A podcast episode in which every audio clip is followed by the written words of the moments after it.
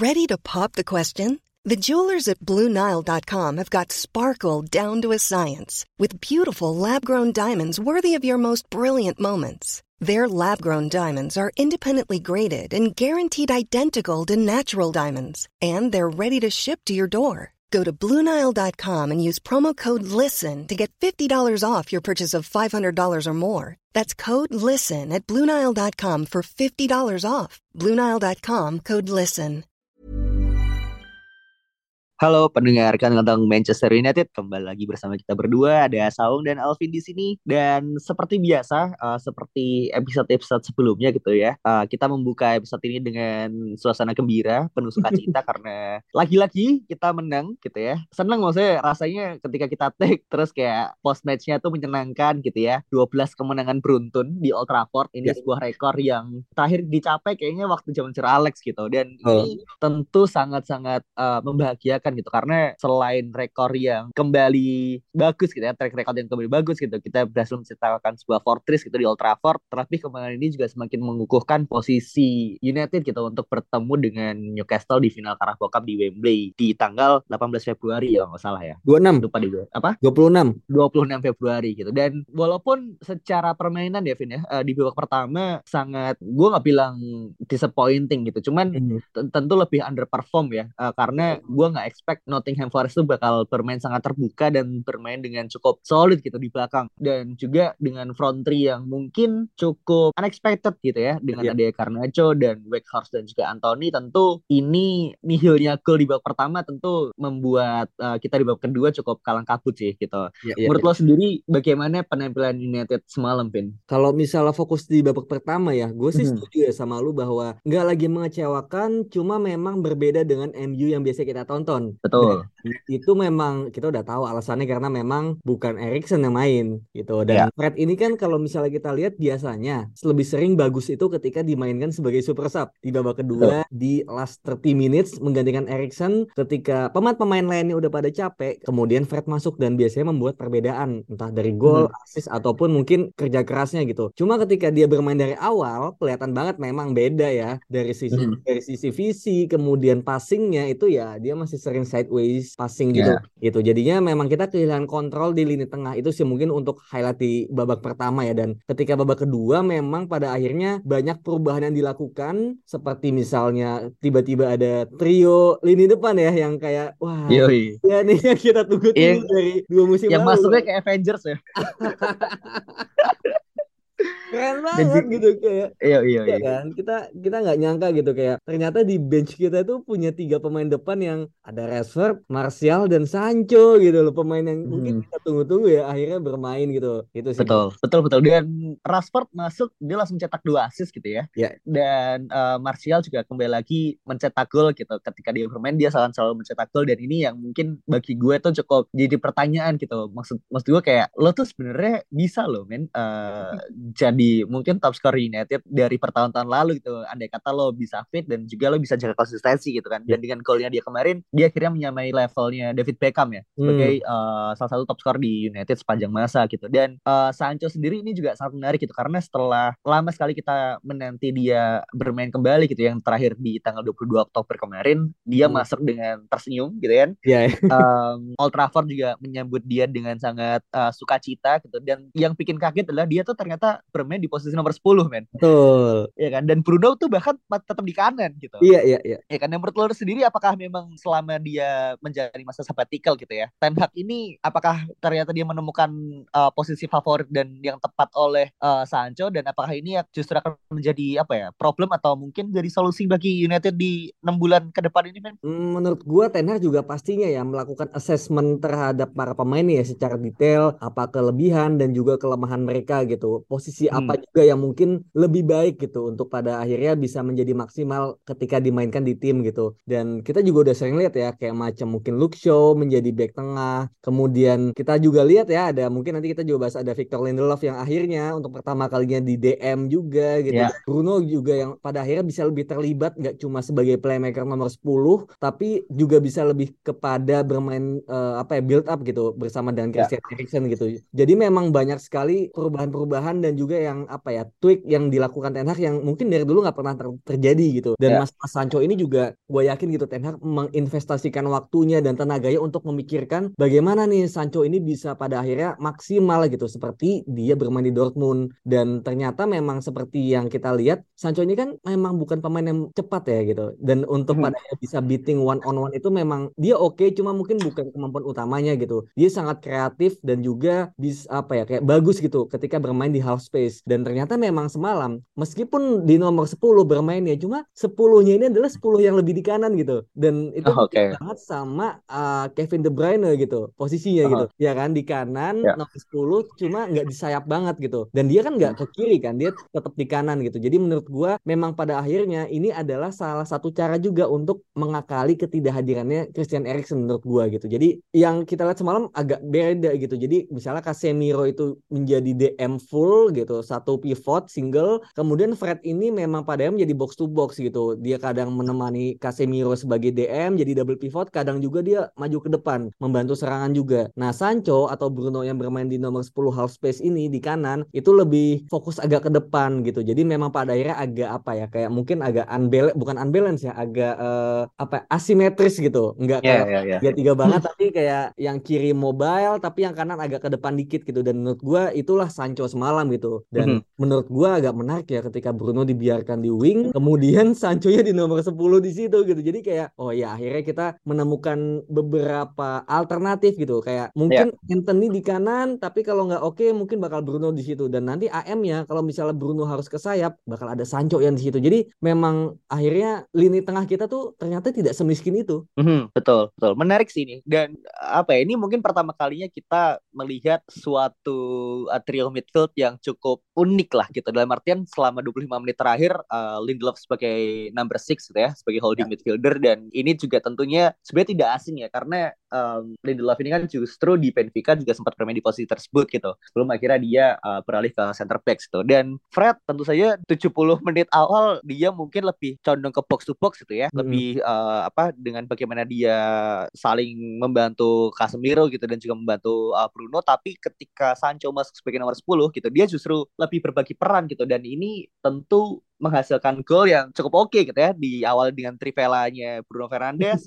yeah. terus selalu uh, dipas oleh Rashford gitu dan akhirnya dia mencetak gol gitu di dalam kotak penalti. Dan ini kan tentu itu dengan Sancho yang dengan sangat brilian gitu dia bisa berbagi peran gitu dengan Bruno Fernandes gitu. Yeah, dan yeah. Ten Hag juga bilang bahwa Bruno Fernandes di sisi kanan ini tidak hanya memberikan apa ya masalah bagi pemain tapi juga memberikan dinamika yang, yang baru gitu bagi United. Yeah. betul. Hmm, betul sih.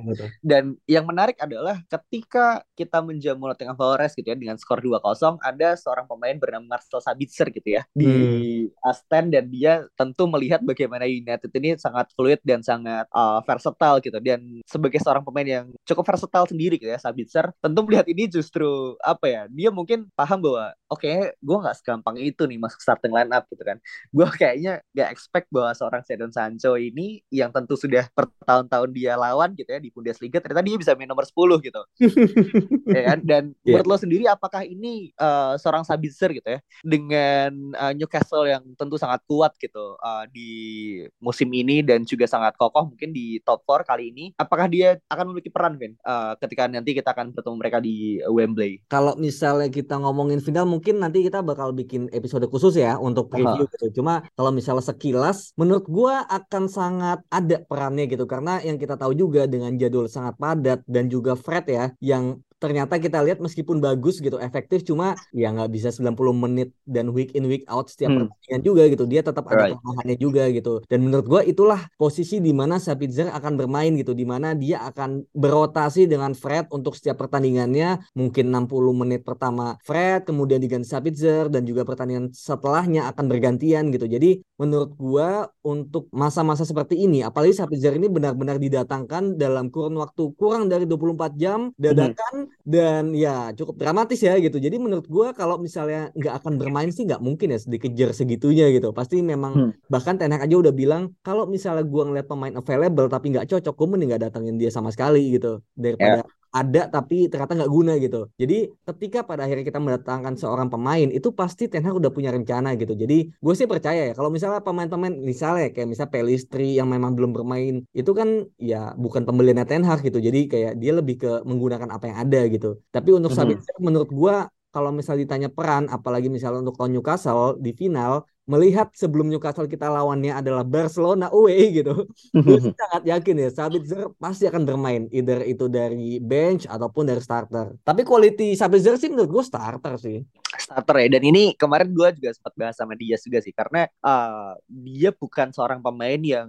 dibuang oleh Barcelona eh Bayern Munchen karena dia jelek ya. Cuman karena memang dia belum memiliki kesempatan lah untuk menunjukkan performa terbaiknya sih. Gue rasa seperti itu karena hmm. selama bertahun-tahun di Bundesliga dia tuh performanya sangat sangat bagus gitu. Bahkan Bruno Fernandes juga bilang uh, iya nih pemain uh, waktu itu juga sempat bikin assist gitu kan yang akhirnya mengantarkan United untuk pulang gitu dari Champions League keluar dari Champions League pada saat itu gitu sih. Tapi menurut lo sendiri gitu di match semalam siapa pemain yang jadi pembeda lah, Vin? Ketika United yang akhirnya uh, struggle selama sejam lebih ini akhirnya memecah kebuntuan gitu. Hmm, kalau misalnya pembeda ya, banyak yang bilang let's say kayak Lisandro Martinez atau misalnya Bruno hmm. Fernandes adalah man of the match ya. Meskipun hmm. gue juga mengaku ya Bruno Fernandes adalah uh, sangat vital gitu dalam permainan semalam. Cuma gue rasa setelah Rashford, Martial dan Sancho ini bermain kayak somehow lebih cair lini depan gitu dan juga uh, kayak apa ya kayak ada penyegaran lah setidaknya gitu. Mungkin kalau Wakehorse semalam itu pertandingan terburuk dia ya selama beberapa match dia dari awal ya karena ya kita juga tahu sih nggak nggak bisa nyalain dia juga karena dia udah bermain terus dari awal nggak pernah diganti gitu. Jadinya pasti ada capeknya juga gitu. Kemudian Anthony juga kayak ya masih trying hard to apa ya to impress juga gitu. Jadi masih sedikit lagi gitu meskipun dia oke okay, cukup oke. Okay. Garnacho juga kayaknya lagi mencoba kembali lagi ya gitu dalam performa terbaiknya karena banyak uh, pengambilan keputusan yang masih sering error juga gitu. Jadinya menurut gua trio depan ini terutama Rashford, Sancho dan Martial ya, gue menurut gue hmm. ketika tiga pemain depan ini masuk itulah pembedanya menurut gue bukan individu tapi lebih kepada pengambilan keputusan Ten Hag yang tepat untuk mengganti dan juga ternyata fluiditas dari tiga pemain depan ini yang membuat perbedaan itu sendiri menurut gue. Menarik. Jadi uh, trio Avengers ini ya yang tentu membuat perbedaan ya karena ketika mereka masuk emang tiba-tiba kita langsung dua kosong sih. Iya betul. iya dan meskipun harusnya emang udah gol dari awal ya karena ya. kita harusnya dapat penalti berapa kali kali kan itu itu gue nggak hmm. paham sih. Ini emang semenjak Klopp banyak bacotnya emang. Kita juga nggak pernah penalti lagi kan bang kayak emang. Iya sejak itu dan sejak kita dikasih gol ini kan gol Man City itu kan kayak wasit langsung turn apa back on us gitu loh.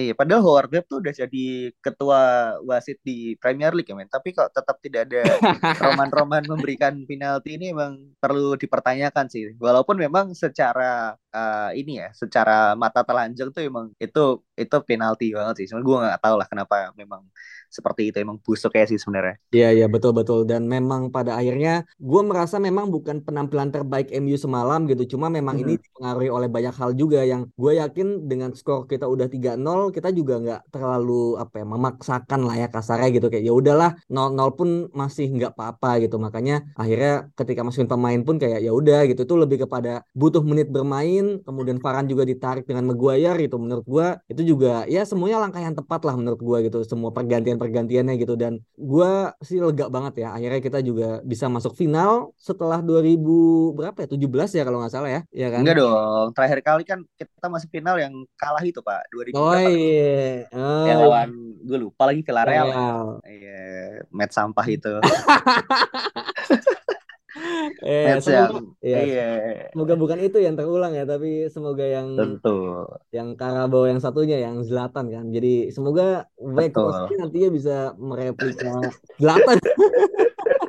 gue gue jujur seneng banget sih kayak mentality dan juga mungkin desire pemain-pemain MU ini kepercayaan diri ini udah bener-bener setinggi langit men gitu. Jadi let's ya. see Iya makanya uh, eh, gue lupa siapa yang bilang gitu ya ada salah satu pemain kalau nggak salah Bruno Fernandes juga gitu. Ketika tim sedang happy maka uh, permainan tentu akan di atas angin gitu. Dan yang diciptakan Ten Hag sekarang adalah bagaimana atmosfer di ruang ganti itu sangat penting gitu sangat uh, kondusif bagi para pemain ini. Memang benar-benar uh, apa ya berkontribusi untuk tim dan tidak hanya bermain untuk diri mereka sendiri sih gitu. Oh. Makanya ketika bursa transfer ini ditutup gitu dengan hadirnya uh, Weghorst, dengan hadirnya Jack Butland dan juga Marcel Sabitzer tentu mungkin secara profil mereka bukan nama-nama yang mentereng gitu, tapi mungkin secara attitude kita secara karakter ini adalah pemain-pemain yang tepat untuk mendorong uh, tim ini akhirnya bisa sukses. Gitu dan alhasil setelah enam bulan dia uh, berjibaku gitu ya Ten Hag dia berhasil membawa kita di final pertama kita gitu sejak uh, Villarreal yang sangat menyedihkan itu sih. Dan ini memang yang